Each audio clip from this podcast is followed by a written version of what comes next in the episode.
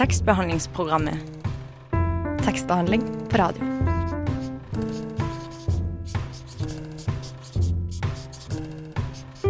Tekstbehandlingsprogrammet.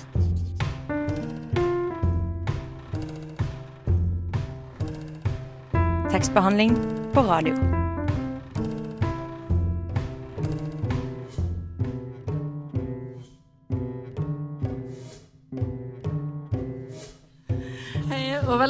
Velkommen til en ekstraordinær sending. Vi er live på kultur, eh, Kulturscenen Uhørt. Uhørt, ja. Jeg har aldri vært der før, som dere kanskje skjønte på min litt sånn stotrende introduksjon.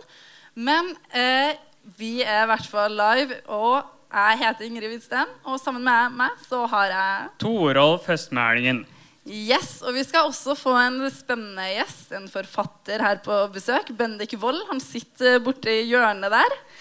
Men først Som eh, sennepselskende studenter, Torolf. Ja. Fordi det er jo ikke alltid at uh, god tekst at den er mellom to permer. Nei, Av og til så kan man finne på de rareste steder.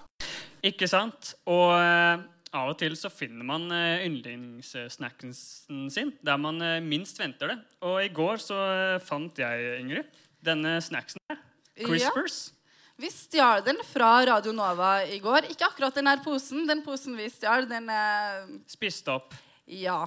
Men eh, bak på denne posen, Torolf Ja, så er det en herlig tekst. Og eh, det som er med CRISPRs, er eh, at eh, den ble jo selvfølgelig laget i sagaåret eh, 1983. Eh, og de har vært så snille å plassere den historisk for oss. Jeg kan jo lese litt her. Eh, favoritt fra 80-tallet, fortsatt like populær. Samme året som klassikeren CRISPRs kom på markedet, dannet Kåre Willoch regjering. De første CD-platene så dagens lys. Storfilmen ET herjet på landets kinoer, og tennislegenden Bjørn Borg la racketen på hyllen for godt. Ja, Da har vi Eh. historisk plassert denne Crispersen. Men eh, eh, jeg hadde aldri hørt om den. Er det, en, er det her en slager blant folket? ja Har dere hørt om den, kjære publikum? Nei. Nei, øh, det har seg kanskje slik at øh, dere ikke er sennepselskere. Jo, men er dere nordmenn òg? Ja. Så For det her er en uh, mais-snacksen for nordmenn som elsker sennep. Ja, altså, Det er rett og slett uh, snacksfavoritt blant mange sennepselskende nordmenn. Uh, så det betyr at kanskje noen av dere ikke var dem. da. Eh, men det er jo slik at denne sprø og luftige mais-snacksen har en god smakskombo av både sennep og bacon. Så, og, fun- og Kombinasjonen fungerer meget godt sammen og gir en herlig smaksopplevelse.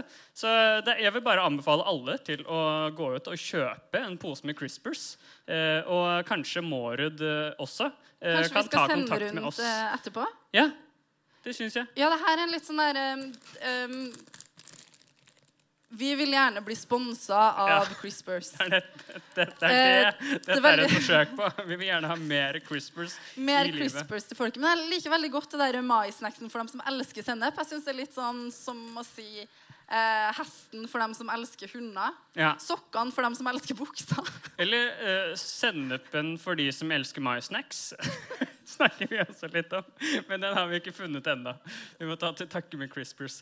Men, eh, Men eh, vi vil veldig gjerne være eh, ambassadører for eh, Crispers. mm. Um, kan jeg ha den? Ja, du kan veldig gjerne få en. Nydelig. Og alle som vil, kan komme eh, opp til scenekanten og få en eh, Crispers eh, i, i pausen. Vi skal også snakke om en snacks av en bok. Det er kanskje den morsomste boka jeg leste i år. Enig? Canada Dry. Bendik Wold sitter der. Og vi vil gjerne ha deg opp, så vi kan snakke litt om denne boka. Hallo, Chartersveien her. Jeg passer jaggu meg inn i tekstbehandlingsprogrammet også. Jeg syns at døra bør stå på gløtt. Tekstbehandlingsprogrammet holder døra oppe for alle. Lar du døra di være litt åpen Jeg tror du må ta den mikrofonen der. Nummer fire. Hallo. Eller Ja. Er du, er du på lyd? Jeg er på lyd, tror jeg. Ja. Nydelig. Har du smakt Crispers? Aldri i mitt liv. Har du lyst til å smake? Nei, jeg betakker meg. Liker du ikke sennep eller bacon? Eller er det den luftige maisputaen som ikke Det var bra, det var bra innsalg, men uh, jeg har spist middag. Eller sjakk. Ja, ja. Det har ikke jeg. Altså, hvis, du får, hvis du får lyst på underveis, så er det bare å si fra. Vi har CRISPRs her. Men uh, velkommen til deg, Bendik Wold. Takk. Du har jo nettopp gitt ut en bok, uh, 'Canada Dry'. Men før det så er du, eh, har du vært litteraturredaktør i Morgenbladet. Kulturredaktør i Klassekampen, og du har vært med og starta Flamme forlag. Så egentlig så har du veldig mye sånn litterær erfaring fra før av. Hvordan har forventningene til boka vært? Eh, fra min side Ja, Eller utenfra? Har du møtt mye eh, forventninger? For mine, altså, mine forventninger har vel vært eh, veldig nøkterne og realistiske, kanskje, siden jeg har litt kjennskap til uh, bransjen og vet eh, hvordan pølsene lages, og hvordan de konsumeres. Så ja. Moderate forventninger som ja. Men eh, hvordan har forventningene utenfra vært? Har du lagt merke til at folk kanskje har forventa litt mer av deg siden du har vært redaktør, eller? Nei, litt sånn nysgjerrighet, selvfølgelig. Eh, men eh, det har jeg vel prøvd å blokkere ut med forskjellige hjelpemidler, holdt jeg på å si. Men uh, Hvilke hjelpemidler da? Quiet, comfort, 35 jeg skal vi ikke gå inn på her, men uh, eh, Nei, men eh, Nei, det er klart man, Det er vel eh, Det er ikke noe sånn optimal eh, utgangsposisjon, kanskje, å ha eh, vært på Sittet på flere sider av bordet. Eh, det er vel kanskje Men det kan jo gi noen fordeler òg. Men, eh, men eh, det er klart det er mange som har gjort seg opp visse meninger og liksom har kanskje en idé om at de har plassert deg på forhånd. da Men du har vel ikke snakket med noen kanskje eh, om eh, boka mens du skrev den, på den måten som man kanskje ville gjort hvis man ikke var så inne i miljøet? da, på en måte. Nei, Nei jeg, har, jeg var veldig hemmelighetsfull. Det, det var jeg. Ja. Det var jeg selv ikke den nærmeste krets visste at jeg Men nå er jo Skal boka ut, og du trenger jo ikke å være så hemmelighetsfull lenger. Og de fleste her har jo kanskje ikke lest denne boka, 'Canada Dry'. Kan du fortelle litt uh, hva den handler om? Hva slags bok er det her? Ja, hva slags bok? Uh, den handler om uh, Nei, det er vel en slags dannelsesroman, kanskje. Men det handler om en kunstner da, som er i midten av 30-åra, som, som eh, står veldig fast i livet sitt. Han har ikke lagd noe kunst på seks-sju år. Og så prøver han å få barn med kjæresten eller kona etter hvert, og det går heller ikke greit. Så, så han står i adopsjonskø. Eh, og så prøver han å ta lappen også, da, i godt voksen alder, og har eh, stort besvær med det også. Så det er en sånn tilstand av lammelse, egentlig, da, på flere eh, livsområder. Han er jo mildt nevrotisk også, eh, kan man si. Så det er vel ikke lett for han å interagere med verden på en måte. Nei, det er jo litt Det er vel eh, noe, noe av det karakteriserende ved han at han er, han er veldig selvbevisst da, og veldig sånn selvovervåkende type. Så, mm, så det er vel kanskje det som går igjen på alle de tre feltene, og som gjør at han ikke får uh, noe forløsning, da. Eh, ja, det stemmer jo. Og eh, et eksempel på det kommer i et av de utdragene som du har forberedt for oss. Det med skammen av å være én. Ja, det var det, ja. ja. Kunne du ha lest litt fra den, så får vi litt inntrykk av hva slags bok det er også. Og hva slags mann han er, ikke minst. Ja, ikke sant? Skal vi se.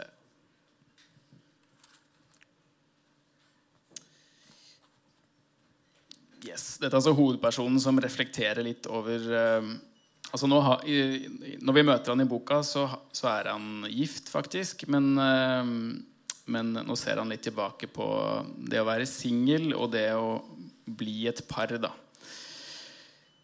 Skammen over å være én. Aller verst var det å gå i butikken, husker jeg, med en singel handlekurv.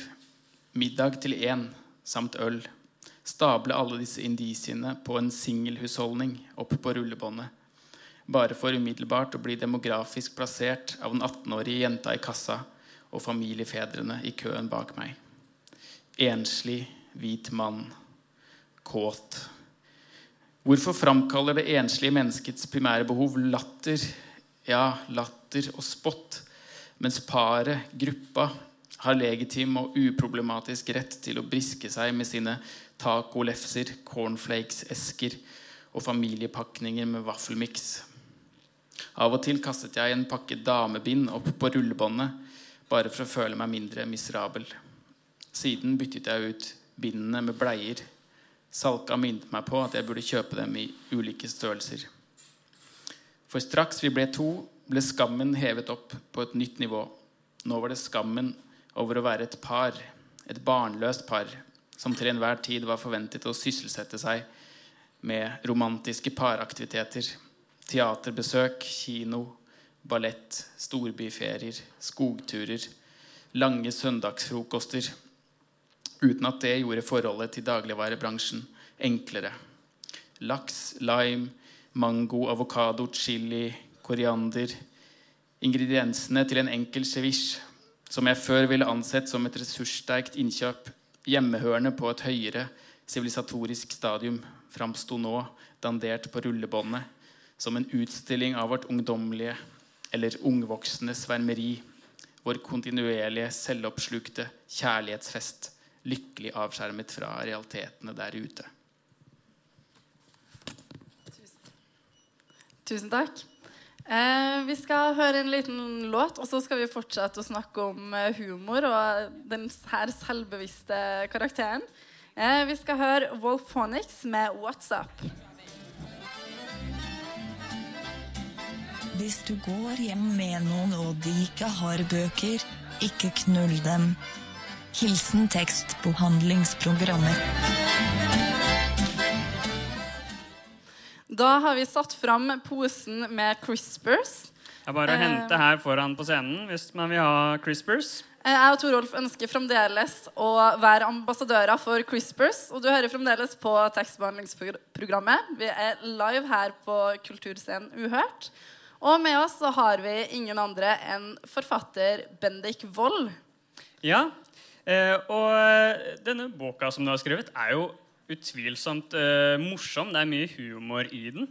Eh, og så lurer jeg litt på om var humor eh, noe du aktivt tenkte på mens du skrev den, eller er det, var det bare noe, en naturlig del av skriveprosessen? Uh, nei, det var ikke det, altså. Men uh, jeg prøvde å følge um, Jeg har jobba som forlegger for, tidligere sjøl, i eh, åtte år faktisk. Og da eh, Jeg prøvde liksom å koke ned for meg sjøl hva, hva slags råd har jeg egentlig gitt til eh, forfatterne som jeg har jobba med. Og da kom jeg til at det var egentlig to punkter. Det ene var at du måtte skrive om Du bør skrive om noe som noe du kan. Altså noe livserfaring, liksom. Det trenger ikke bety at du skriver av ditt eget liv, men du bør kunne det du skal skrive om. det Fra innsida, på en måte.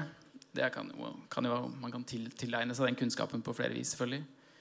Og det andre var at man bør ha det gøy, rett og slett. da Og jeg tror også at uh, denne boka jo noen, handler jo til dels om sorg og barnløshet og en del uh, stusslige ting.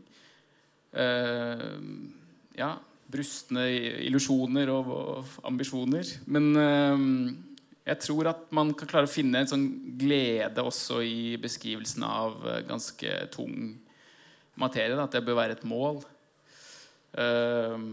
Ja, så får det være opp til andre om jeg har lyktes med det. Ja, for Morgenbladet skrev jo sånn at Nå må jeg se litt på notatene mine, for det var veldig, var veldig innvikla skrevet. Virkelig interessante eller fremtredende blir de mer samfunns- og idévendte sidene av Canada Dry derimot ikke.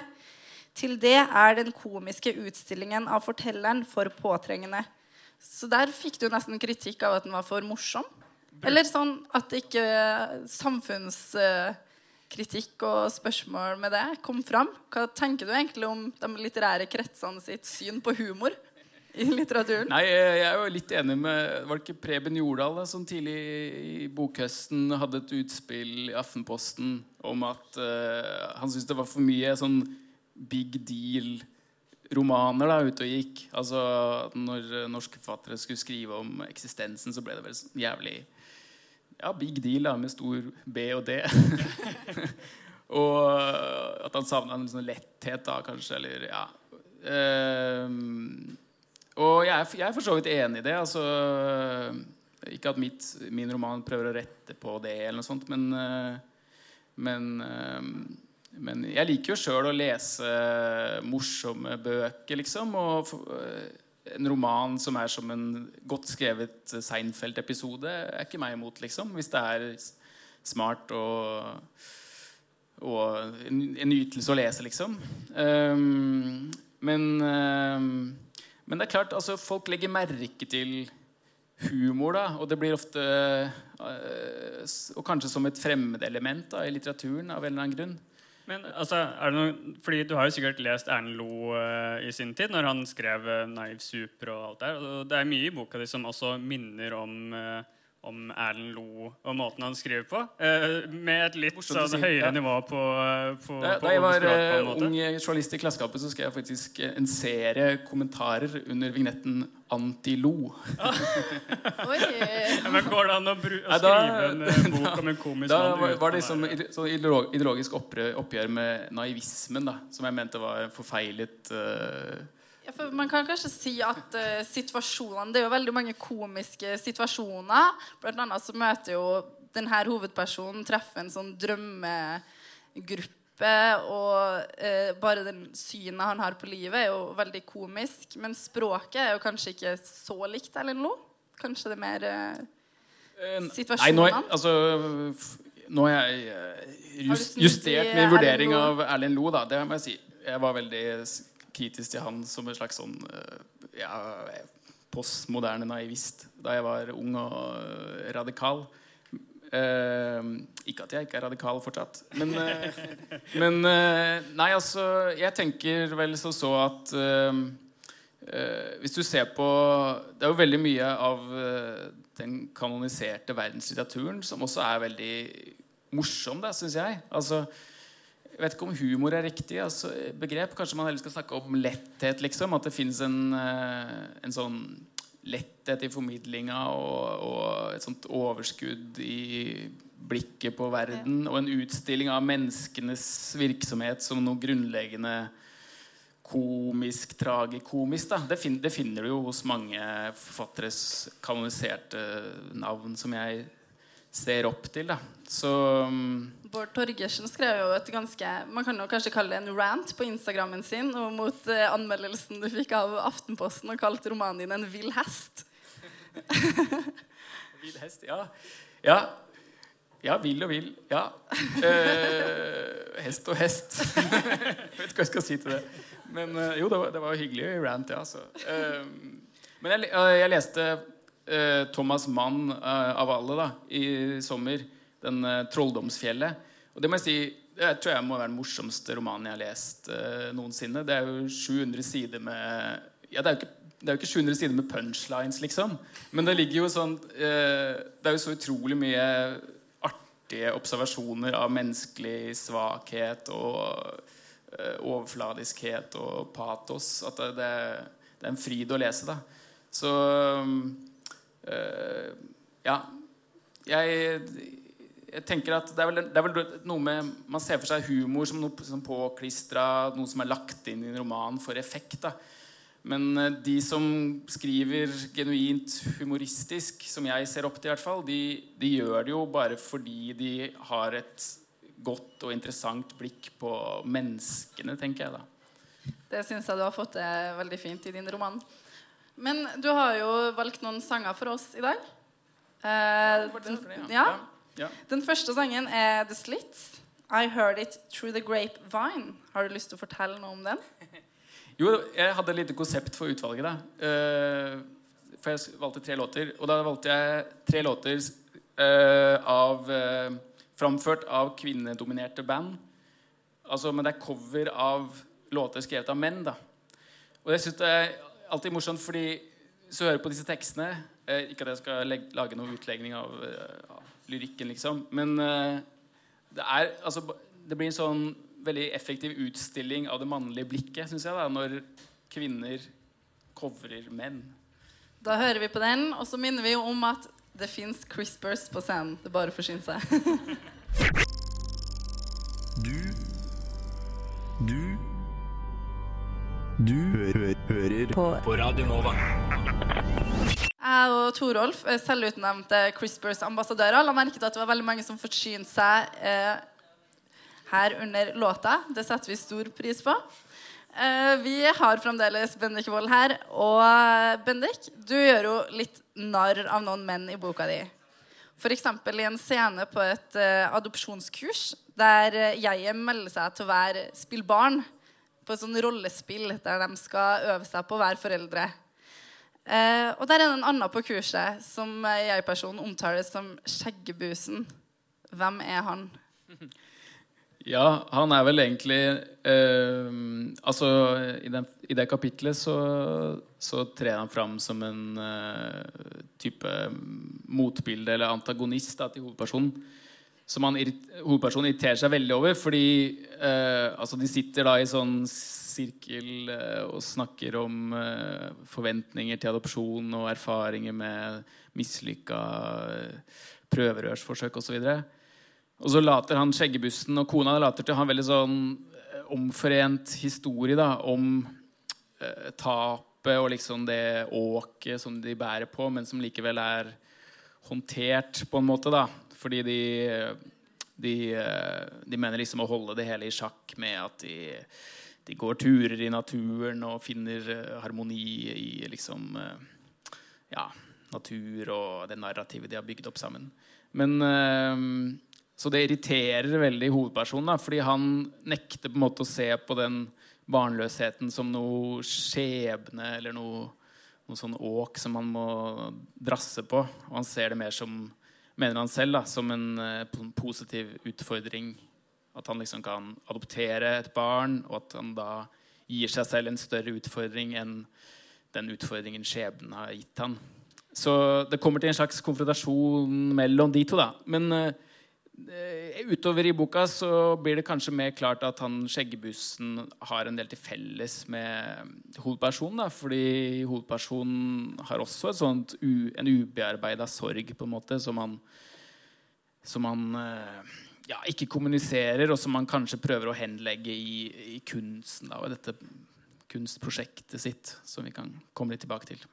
Men eh, hvis eh, skjeggebrusen er liksom motsetningsforholdet til hovedpersonen, eh, hvilken type mann er hovedpersonen? Er han en slags sånn moderne mann? Eh, mens Ja, nei, de har, sagt, de har kanskje felles, en del til felles, egentlig. Men eh, ja, hovedpersonen ser vel på seg selv som en moderne ja, liberalt innstilt og feministisk innstilt mann, da. Eh, som um, Altså det, han er jo veldig opptatt faktisk da, av å få barn, og han har lagt mye som, ja, Ut fra det utdraget jeg leste i stad, altså knytter mye sånn skam til å være både singel, men også egentlig å være sånn tosomheten. da, Å være som barnløst par. Så eh, av forskjellige grunner så har han investert mye følelsesmessig i det å bli en far da, og, og stifte familie. Så han er, på, han er langt unna en sånn knausgårdsk eh, eh, fyr som er redd for å trille barnevogn, liksom. Altså, han er vel det motsatte. Men så er han Jeg tenker på han som en slags sånn overgangsskikkelse. For han har de sidene ved seg som er forsonende. da, liksom. På den annen side så, så har han Han er litt eh, altså Kjæresten hans sier på et tidspunkt at han er en sånn 50-tallsmann når det kommer til kommunikasjon. Fordi han ikke på et tidspunkt liksom har slutta å snakke med kjæresten sin om, om eh, ja, eksistensielle ting, følelser. Eh, han beskriver en sånn utvikling hvor han først tidlig i relasjonen hadde en sånn eksplosjon av informasjon til uh, sin sin signifikante andre. Og deretter en tilbaketrekning da, hvor han på en måte har måttet samle sammen alt det han spretter rundt seg av, av, med, av uh, hemmeligheter og Og det skyldes vel kanskje at han er ekstremt selvbevisst. Det er vel kanskje noe med det, da. At han føler i, Når han har Han, får jo ikke, fun han fungerer jo nesten ikke i hverdagen. Han er jo veldig ser seg sjøl utenfra hele tida. Åpningsscenen så blir han jo påkjørt. Og så blir han liggende der og håper at han er skada når det springer folk mot han. fordi tenk hvor flaut det hadde vært om han lå der og ynka seg uten å være skada. Ja, det, ja, det, er på, det er på det nivået. Ja. ja, nei, eh, og det, I parforholdet så, så, er det vel noe av det som skjer. da, At han, han eh, føler en skam ved liksom å møte sånn speilinger av seg selv og sine egne diller og innerste eh, hemmeligheter på en måte speila i, gjennom kjæresten. da. Og at det er det han på en måte flykter litt fra med en sånn tilbaketrekning hvor han blir mer og mer taus og mutt, da, holdt jeg på å si. Ja. Så det er, det er vel en uheldig dynamikk her da, som han gjennom boka forsøker å Eller i hvert fall kommer til en erkjennelse av at han må gjøre noe med. da. Ja. Du har jo også valgt, eh, du har valgt flere sanger for oss. Har du lyst til å fortelle om den neste? Nå husker jeg nesten ikke hva jeg har valgt. Eh, jo, det var, Raincoats med Lola. Ja, stemmer det. Raincoats, ja. ja eh, dette er også et britisk eh, pop-punk-band. da. Eh, og nok en uh, cover av uh, en låt skrevet av mann. Det er uh, Kinks sin Lola, som jo handler opprinnelig da, om en mannens erfaring med en transkjønna person. Og det syns jeg også høres bare ved at kvinner coverer låta, så ligger det en veldig interessant kritikk av den teksten.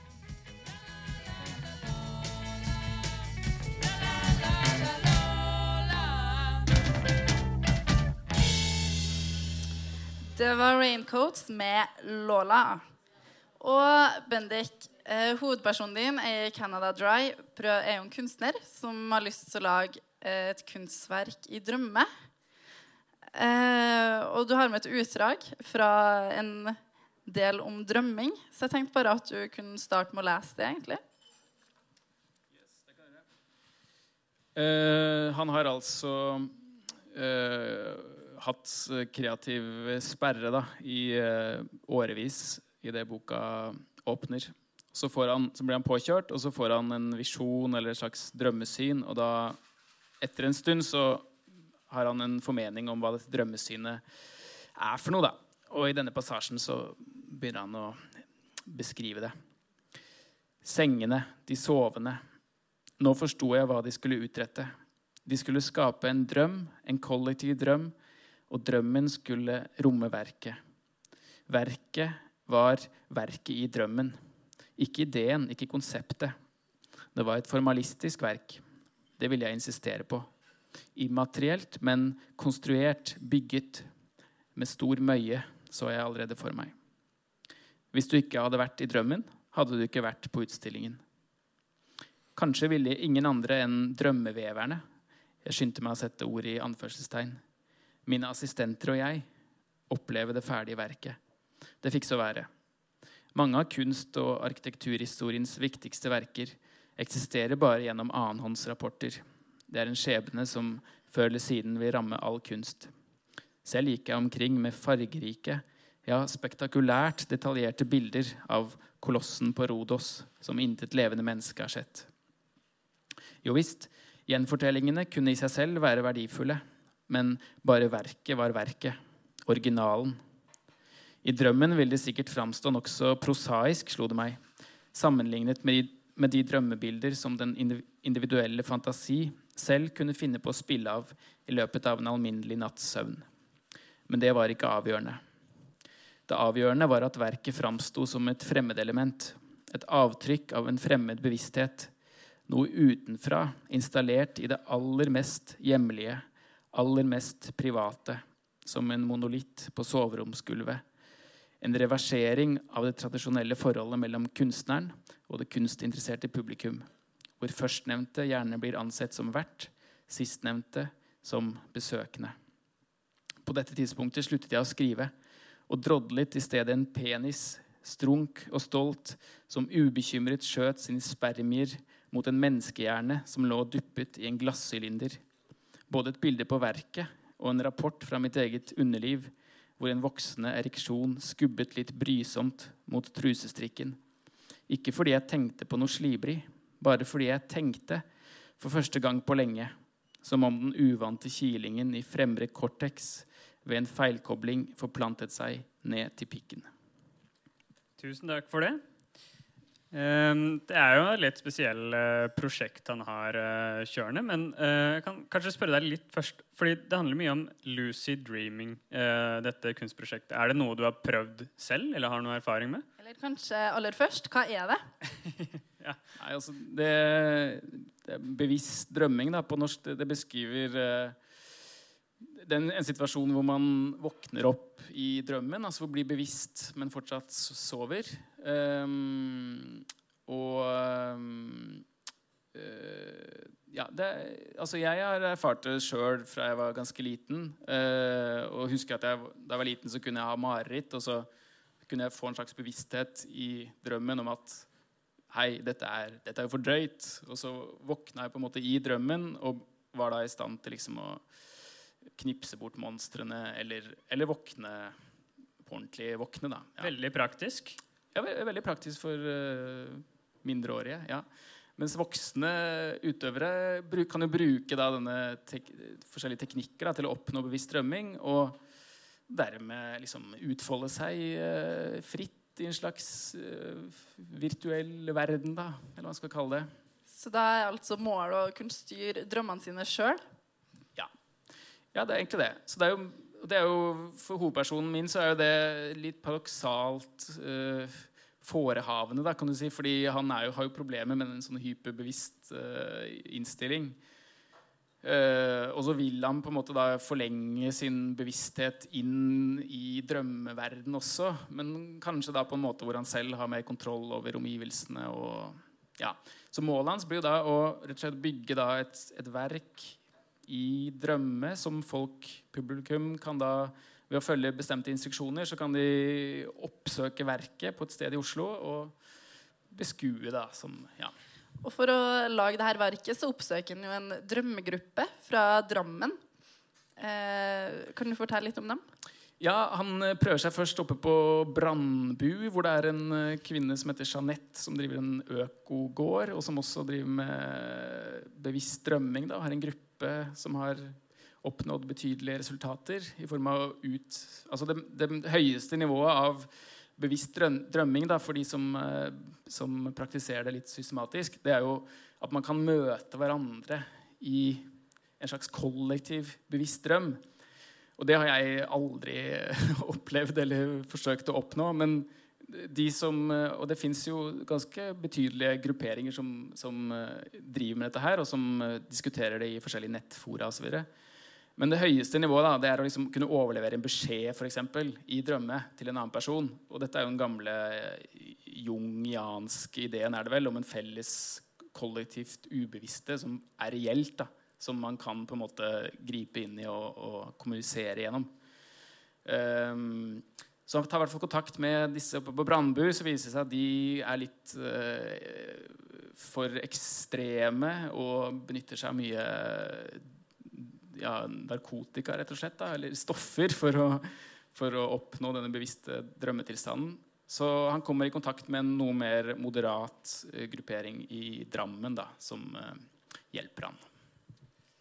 Konradsen ringer vel fra, som lys fra klar himmel på en eller annen måte, mens han er ute på denne biodynamiske besøksgården. Og, eh, Det viser seg at det er, det er et lite skisma her da, mellom eh, disse drøm, drømmegruppefraksjonene. Fordi det, de strides om fortolkningen av en sånn amerikansk drømmepioner. Og så er det hvorvidt ungdomsverkene eller de seinere eldre verkene er Og eh, til å stole Jeanette prøver vel å sabotere det her kunstprosjektet også.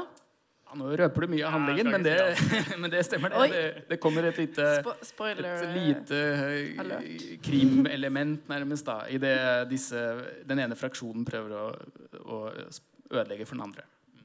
Ja, ble litt uh, ivrig her, kanskje. Ivrig Men uh, for at jeg ikke skal få sjanse til å spoile mer, så kanskje vi heller skal spille av den siste sangen som du har valgt for oss. Ja, Siste låt i konseptet det var uh, Electrolade, som er uh, enda en engelsk uh, kvinnedominert uh, rockegruppe, men denne gang fra 90-tallet. Eller nei, nullertallet. Unnskyld. Og her covrer de uh, gode, gamle Bruce Springsteen og hans pinlige låt som heter I'm On Fire. Nydelig. Minn om Crispers på scenen. Det bare å forsyne seg.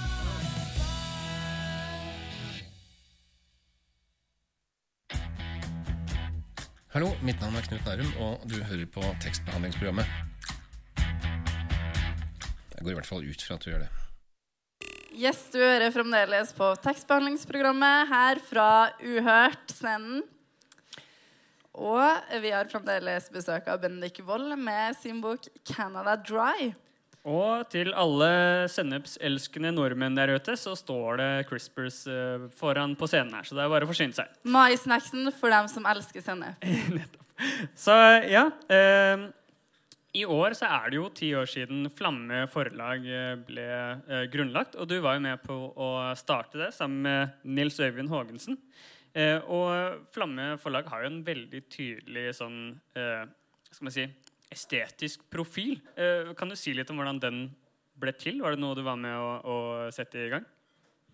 Ja, det, altså nå har jeg slutta i forlaget, da. Men, øhm, men hvis, det var Nils Øyvind og jeg som hadde en litterær fanzine da, som het Flamme på.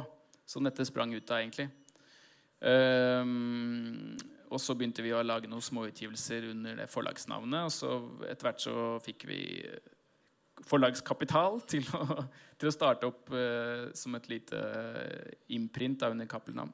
Men da var uh, ja, profilen uh, Skal beskrive den, så vil jeg vel si at vi var vel begge to opptatt av Vi hadde vel ganske forskjellige preferanser og forskjellig orientering, egentlig. Men vi var ganske enige om hva vi ikke likte, da. Og det er alltid bra utgangspunkt. Innenfor uh, poesi og ja, samtidsprosa. Så, men uh, det jeg jobba med særlig, var vel jobbet, ja, en del debutanter som kanskje skrev liksom litt flermedialt, blanda poesi og prosa, dramatikk.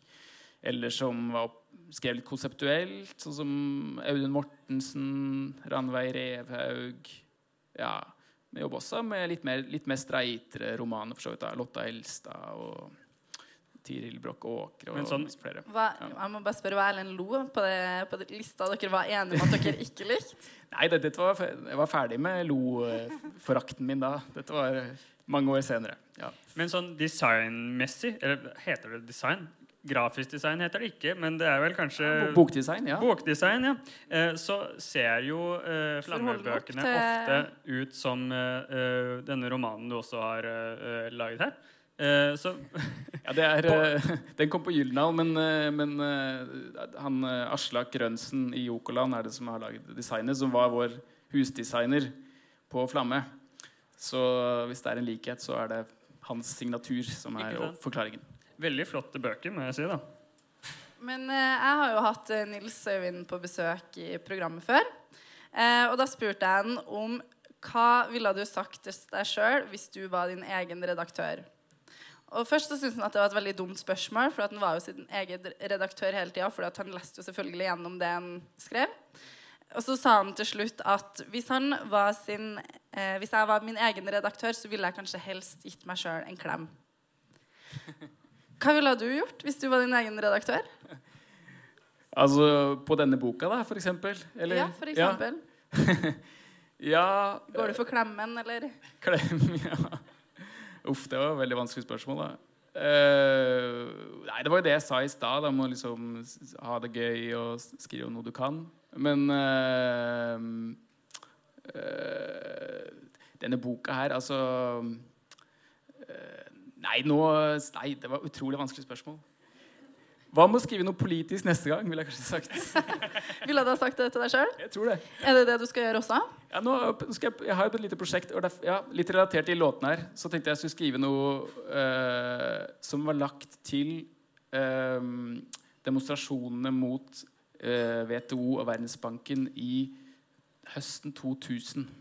Ei. Som, eh, fordi jeg var med på demonstrasjonene, og fordi jeg tenker det var sånn siste Siste gnist av en sånn eh, aktivisme som egentlig døde litt etter 11. september, året etterpå. Men vi er dessverre tom for tid, så du får gå ut i verden og skrive mer politisk. Følg litt eget råd, og så får jeg si tusen takk for at du kom. Da var det ikke mikrofon. Bendik Wold sa bare hyggelig. Tusen takk.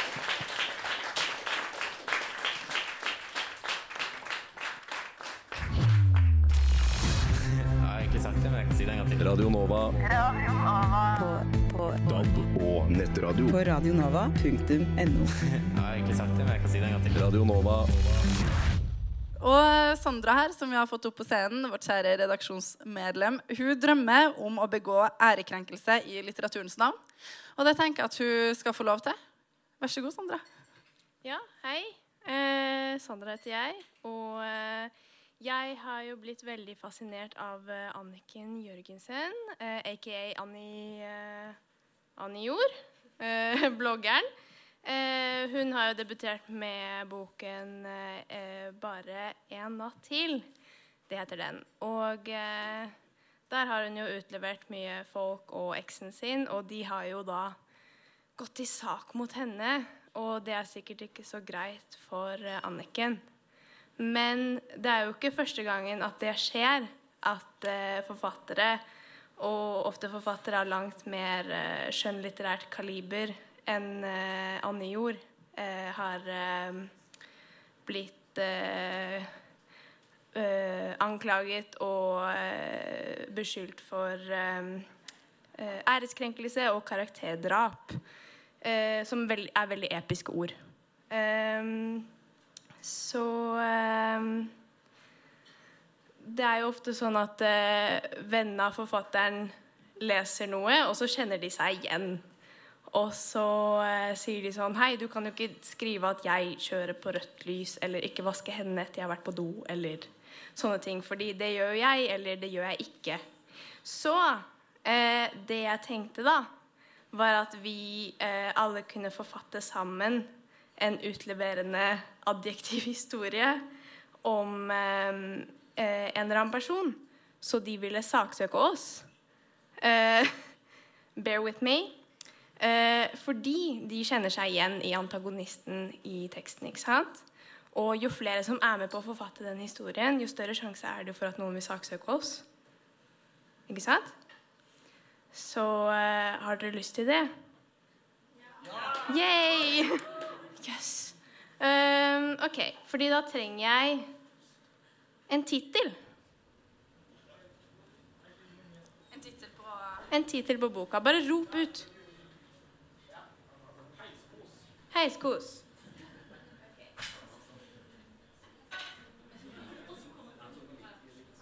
Jeg trenger et adjektiv.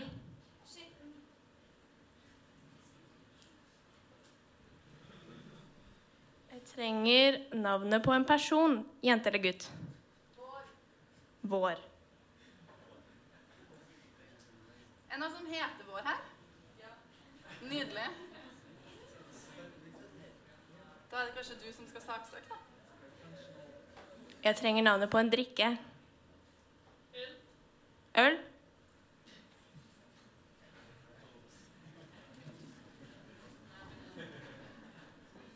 Jeg trenger navnet på en type mat. Burger. Crispers!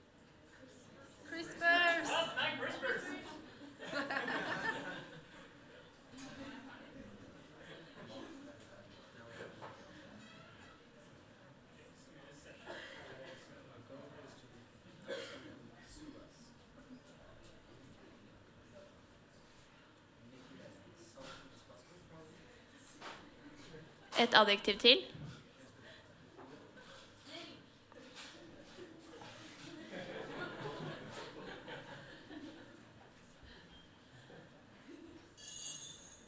Navnet på en skole.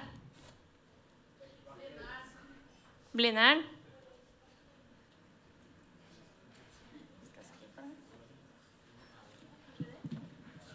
Et yrke. Sykepleier. Eh, et type forhold.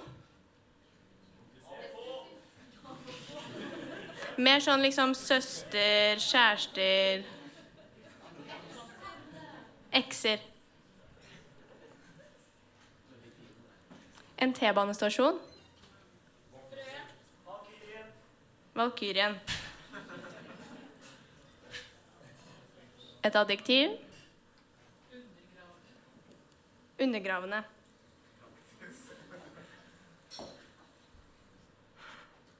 Et spisested.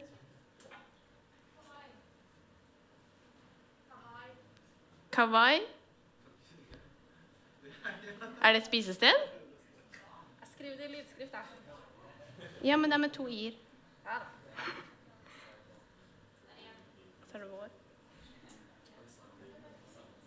Et sted. Gjøvik. Representing. Ja, det er det samme. Da blir det på Kawaii. Kawai. Nei, på Kawai. Et adjektiv? Håpløs. Håpløs. Akkurat som det er. Håpløs. Adjektiv? Full. Et verb? Gråte.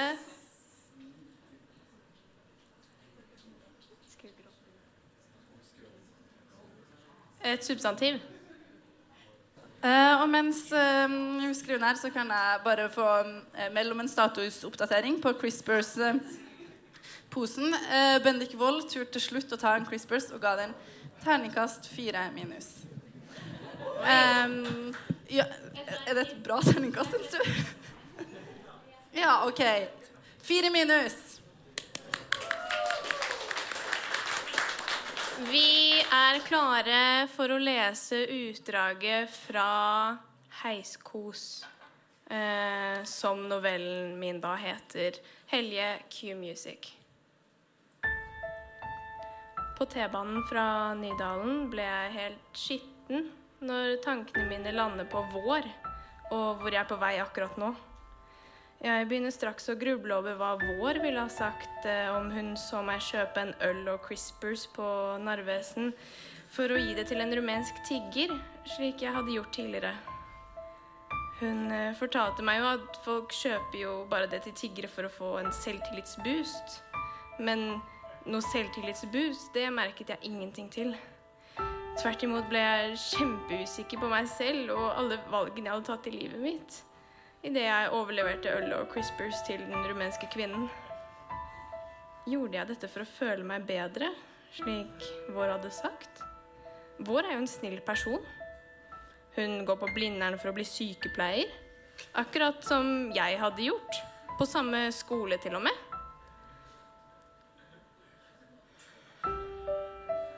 Vi er eh, ekser.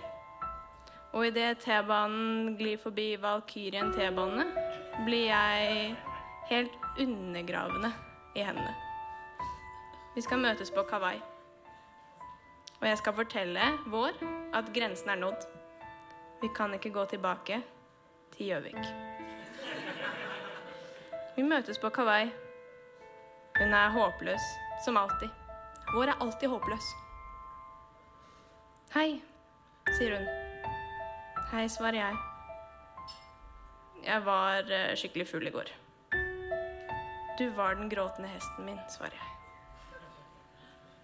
Det var ikke meg, eller jeg var ikke meg selv, sier eh, vår. Men det var vår. Det var vår som var den gråtende hesten min.